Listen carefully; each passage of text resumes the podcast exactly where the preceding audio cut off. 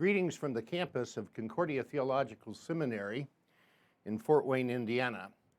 I uh, was tempted uh, this morning uh, to bring my nice Norwegian knit sweater over, wear that for the, uh, for the lecture, but it's um, going to be in the mid 90s here today in Fort Wayne, and I thought that would be uh, just a tad bit uh, uncomfortable. But that sweater does bring back um, very fine uh, memories of being in Bergen three years ago and then uh, two years ago uh, for Lutheran uh, study days. And so I'm very grateful for the invitation to participate uh, this year, even though we're going to do that. Uh, we're doing that virtually here. And um, my topic is baptism and the freedom of the Christian. That freedom of the Christian, of course, is the uh, uh, kind of golden thread that, in one way or another, is uh, connecting all the lectures this year for Lutheran Study Days. Uh, and it's appropriately so because this year is the 500th anniversary of those uh, three great uh, foundational treatises for the Reformation the Babylonian Captivity of the Church, Luther's letter to the Christian nobility, and then the third in that triad on the freedom, uh, freedom of, the, of a Christian. And uh, we're going to be looking at freedom of the Christian in relationship uh, to the sacrament of holy baptism. Now, first reading, that might seem a bit strange because if you uh, uh, read through Luther's treatise on the freedom of the Christian, uh, nowhere in that tract uh, does he mention explicitly uh, baptism. Uh, Luther's teaching in the freedom of the Christian is on faith and the life of the Christian as lived outside of the self in uh, Christ and in the neighbor. And that theme certainly has very striking parallels with Luther's teaching on holy baptism. We might first keep in mind that at the same time, in the same time frame that Luther writes the freedom of a Christian, he was also thinking and writing about uh, baptism. Uh, just the year before, 1519, Luther penned a little treatise called The Holy and Blessed sacrament of baptism.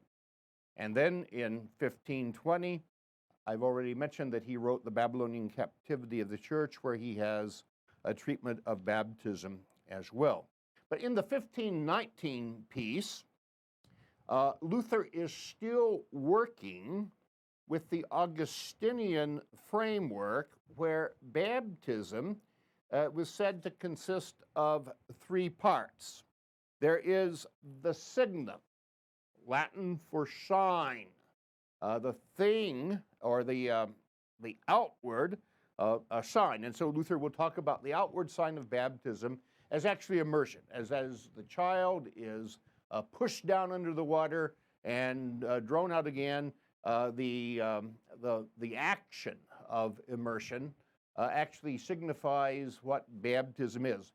so signum uh, secondly, there is the res, uh, the thing, uh, the thing itself. Well, what does this uh, baptizing with water uh, in that sense uh, signify? It signifies a death and a resurrection.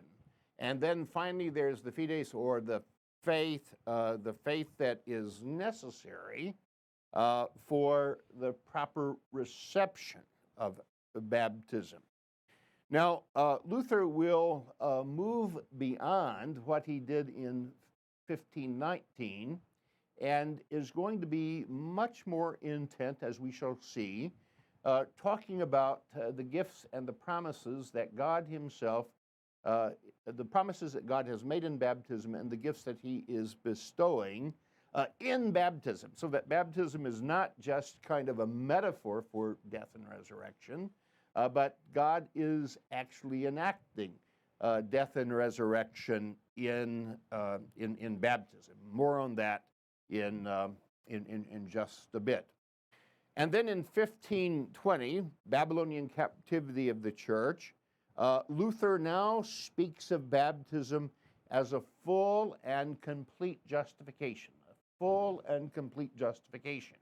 Uh, that God is actually rendering righteousness uh, to the one who is, uh, who is baptized. The baptism here, uh, Luther sees now is clearly uh, the work, the work of the triune God. Well, Luther's teaching on holy baptism comes to fruition in the small and the large catechisms of 1529. And it is also from them, particularly the large catechism, that we see the connections with his 1520 treatise, Freedom of a Christian. Here we see Luther making baptism a present tense. In other words, baptism is no longer a rite of initiation in the rearview mirror. Uh, in the Roman Catholic sacramental schema that Luther, in fact, had critiqued in Babylonian captivity, uh, you have uh, seven uh, sacraments, at least, uh, uh, even though that formal definition of seven sacraments was not finalized or made formal into the Council of Trent. In Roman Catholic piety and teaching, the focus was on seven sacraments. Baptism brings you into the church. Baptism washes away original sin uh, initiates you into the body of the mystical body of Christ. And then that initiation is confirmed, confirmation, uh, second sacrament.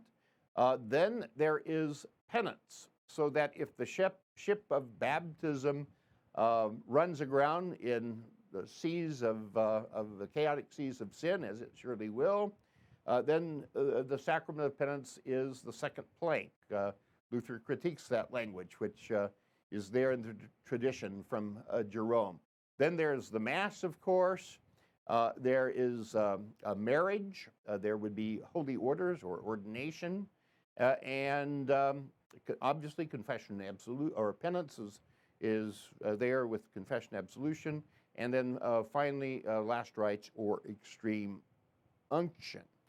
But that sacramental spectrum then really meant that uh, baptism is seen as kind of this historical event happens and it and and the teaching of the church was that children should be baptized and uh, the earlier the better uh, but then after you are baptized um, there's not much else uh, really to say about uh, uh, baptism and this is one of, I think, the radical things that Luther brings to the table in his uh, catechetical treatment of baptism that um, baptism now actually encompasses uh, the whole of the Christian life. It's not simply, I was baptized, past tense. Uh, the way I sometimes illustrate this, if you are married and someone uh, asks you the question, Are you married? And you would reply, I was married in reference to the day of the wedding ceremony, uh, the um, inquirer would most likely conclude that now you are either widowed or divorced, that you were married at one time, no longer married. And so, uh, if you're married, the most proper uh, response would be, I am married. And similar with baptism. It's not just I was baptized, uh, but I am uh, baptized. Now, there's a very potent statement in the Large Catechism where Luther says, In baptism, therefore, every Christian has enough to study and practice all his or her life. Christians always have enough to do to believe firmly what baptism promises and brings victory over death and the devil, forgiveness of sin, God's grace, the entire Christ, and the Holy Spirit with all his gifts. In short, the blessings of baptism are so boundless that if our timid nature considers them, it may well doubt whether they could all be true. Suppose there were a physician who had so much skill that people would not die, or even though they died, would afterward live eternally. Just think how the world would snow and rain money upon such a person because of the throng of rich people crowding around, no one else would be able to get near. Now, here in baptism, there is brought free of charge to every person's door just such a treasure and medicine that swallows up death and keeps people alive. Now, key in this little section from the large catechism are the words what baptism promises and brings. Uh, you will not understand Luther's biblical theology of baptism apart from the promise. Promise that God is making, and therefore God is committing himself to bring to fulfillment. So Luther accents uh, the promise. But not only does baptism promise something, the promise is actually brought to fulfillment. It brings, it brings these gifts uh, that God has, has, has pledged. And so, what does baptism promise and bring? Luther enumerates four things victory over death and the devil. Number one. Number two, the forgiveness of sin. Number three, God's grace in the entire Christ. And number four, the Holy Spirit with all his gifts. Now, keep those gift items, those four gifts in mind. And then think back to Luther's explanation of the second article of the Creed in the Small Catechism, where he confesses that this Jesus, begotten of the Father from all eternity, true God, also true man, born of the Virgin Mary, has redeemed me, a lost and condemned person. And what has he redeemed me from? From all sins, from death, and the power of the devil. And he has done this not with gold or silver, but with his holy and precious blood and with his innocent suffering and death. And the outcome? That I may be his own, live under him in his kingdom, and serve him in everlasting righteousness, innocence, and blessedness, even as he is risen from the dead and lives and reigns to all eternity. Now, the language that Luther uses in the second article comes to expression in the small catechism's explanation of the benefits of baptism. What does baptism do? It works forgiveness of sins and rescues from death and the devil and gives eternal salvation to all who believe this. Even as the atonement is Christ's work and not our own, so too is baptism. Luther never tires of stressing this in the large catechism. Listen to his words. To be saved, as everyone well knows, is nothing else than to be delivered from sin, death, and the devil, to enter Christ's kingdom and live with him forever. This is freedom.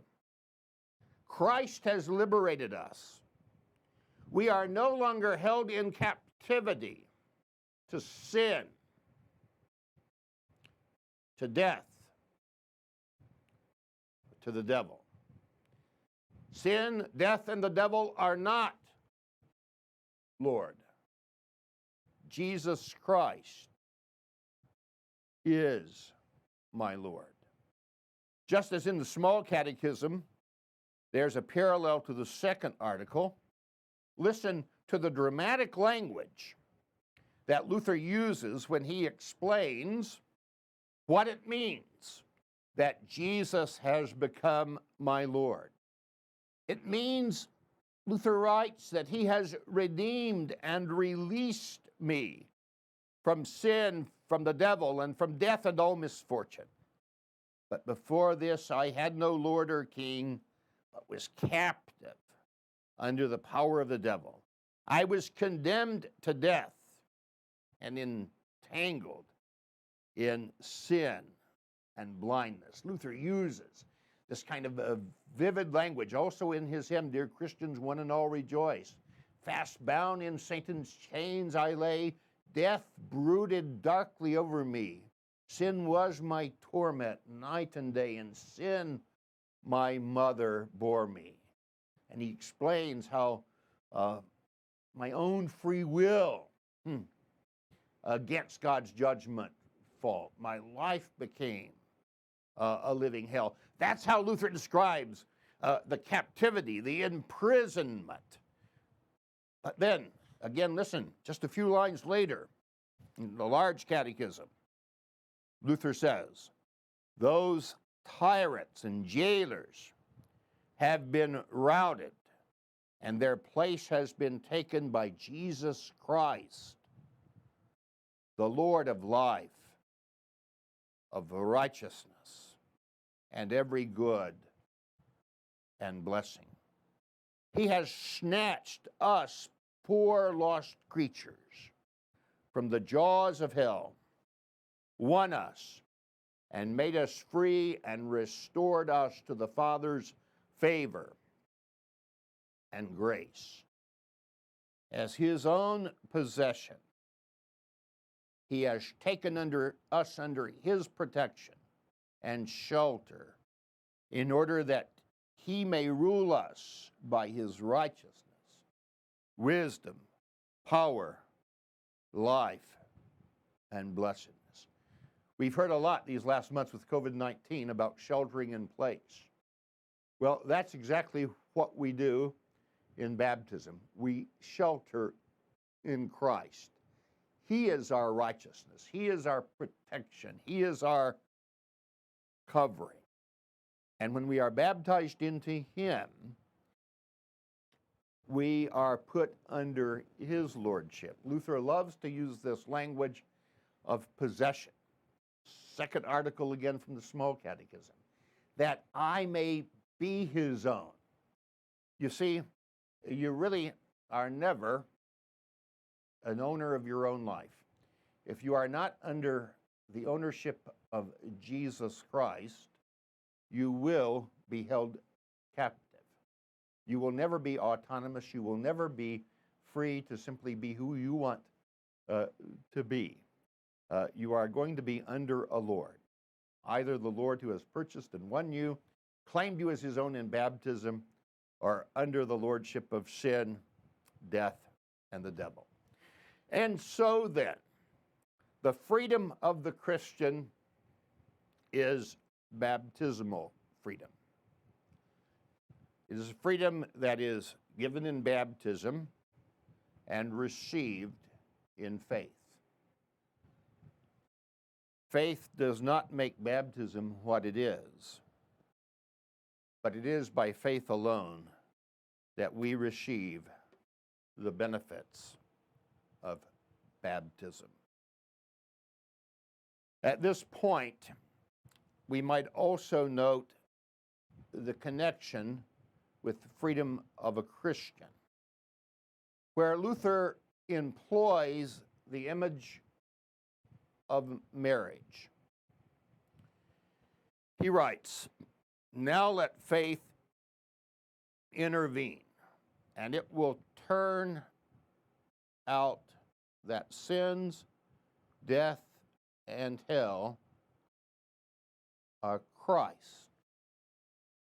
But grace, life, and salvation are the souls. For he is the groom, and he should simultaneously both accept the things that belong to the bride and impart to the bride those things that are his. For one who gives his body and his very self to her, how does he not give his all? And the one who receives the body of his bride, how does he not take all that is hers?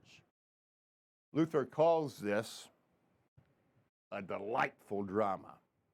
Indeed, it is a blessed exchange or a sweet swap, to use a colorful phrase of a theologian of the last generation. Christ takes upon himself our sin, made sin for us, and in its place, we are given his righteousness. And that exchange was accomplished on the cross, but it is made yours in baptism. For in baptism, you are baptized into the death of Christ. And what a gift is this freedom, this baptismal freedom for which Christ has set us free. Luther says in Freedom of a Christian that with the wedding ring of faith, Christ now regards our sins as his very own, as if he himself had sinned, suffered, as if he himself had sinned, suffering, dying, and descending into hell.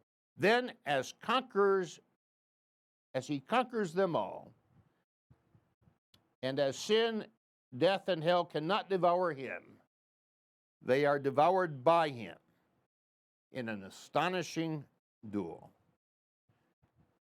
For his righteousness is superior to all sins, his life more powerful than death, and his salvation more invincible than hell.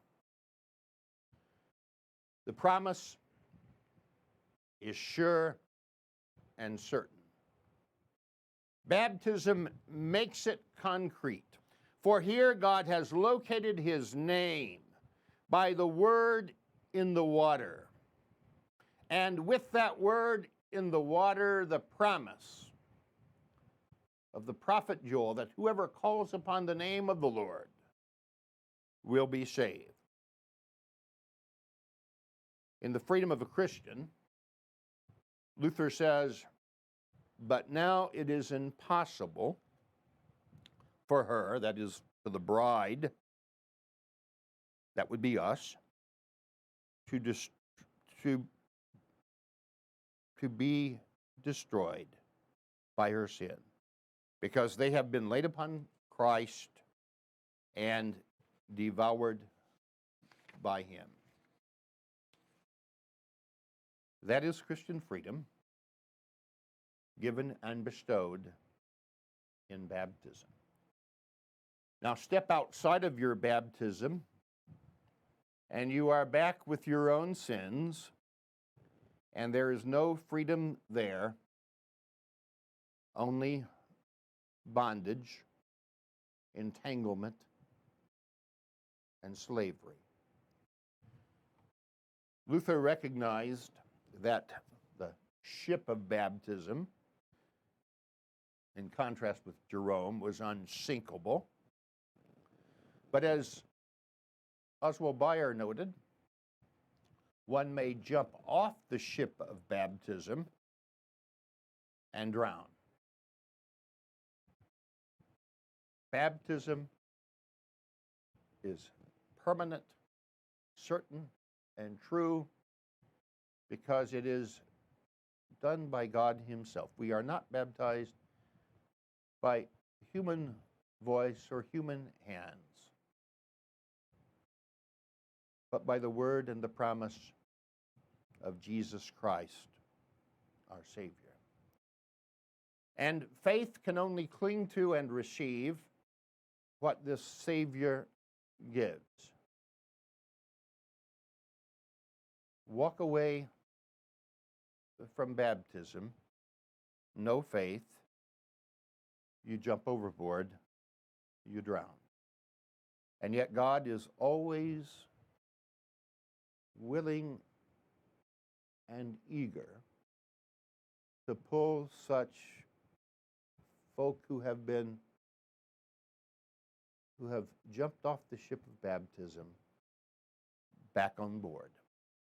Not to rebaptism, but in repentance and faith, the restoration of the freedom, of the freedom uh, that belongs to the sons and daughters of God. So the life of Christian freedom is lived in baptism and never apart from it. Luther speaks in the large catechism of the Christian life as a continual return to baptism.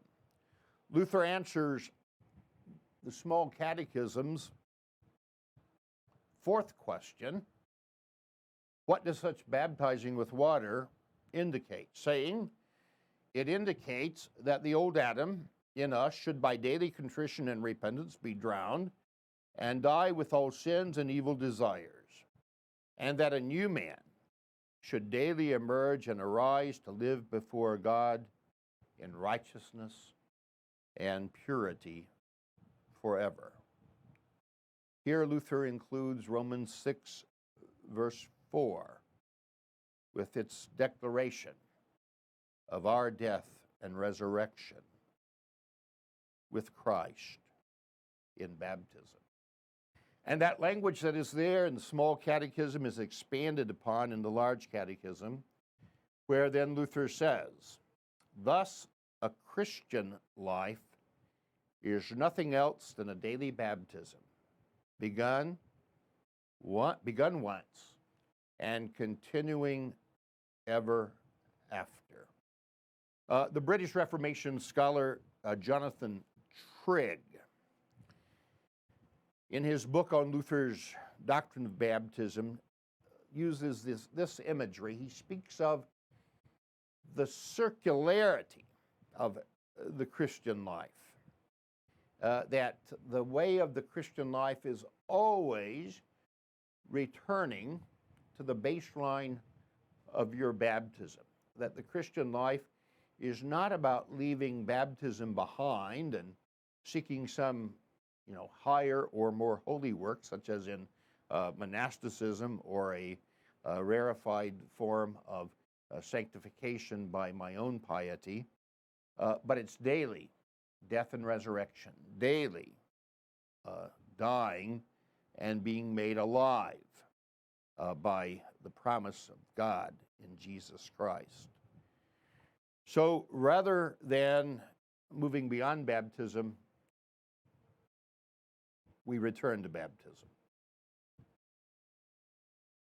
And as you return to baptism, you don't grow out of your baptism, you grow into your baptism, living daily in death to sin and daily rising to the newness of life that we have in the risen Christ Jesus.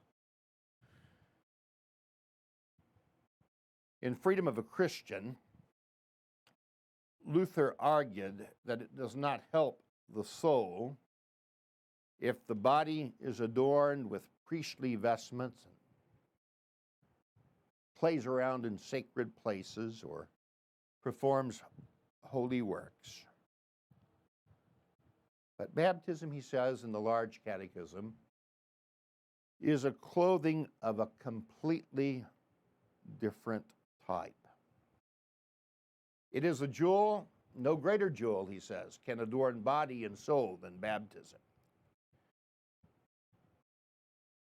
And then also in the large catechism, he says, Therefore, let all Christians regard their baptism as the daily garment that they wear all the time, clothed in the new, stripping off the old. Baptism is the, Christ, is the Christian's freedom because it is the pledge and promise given to you that if the Son sets you free, you will be free indeed.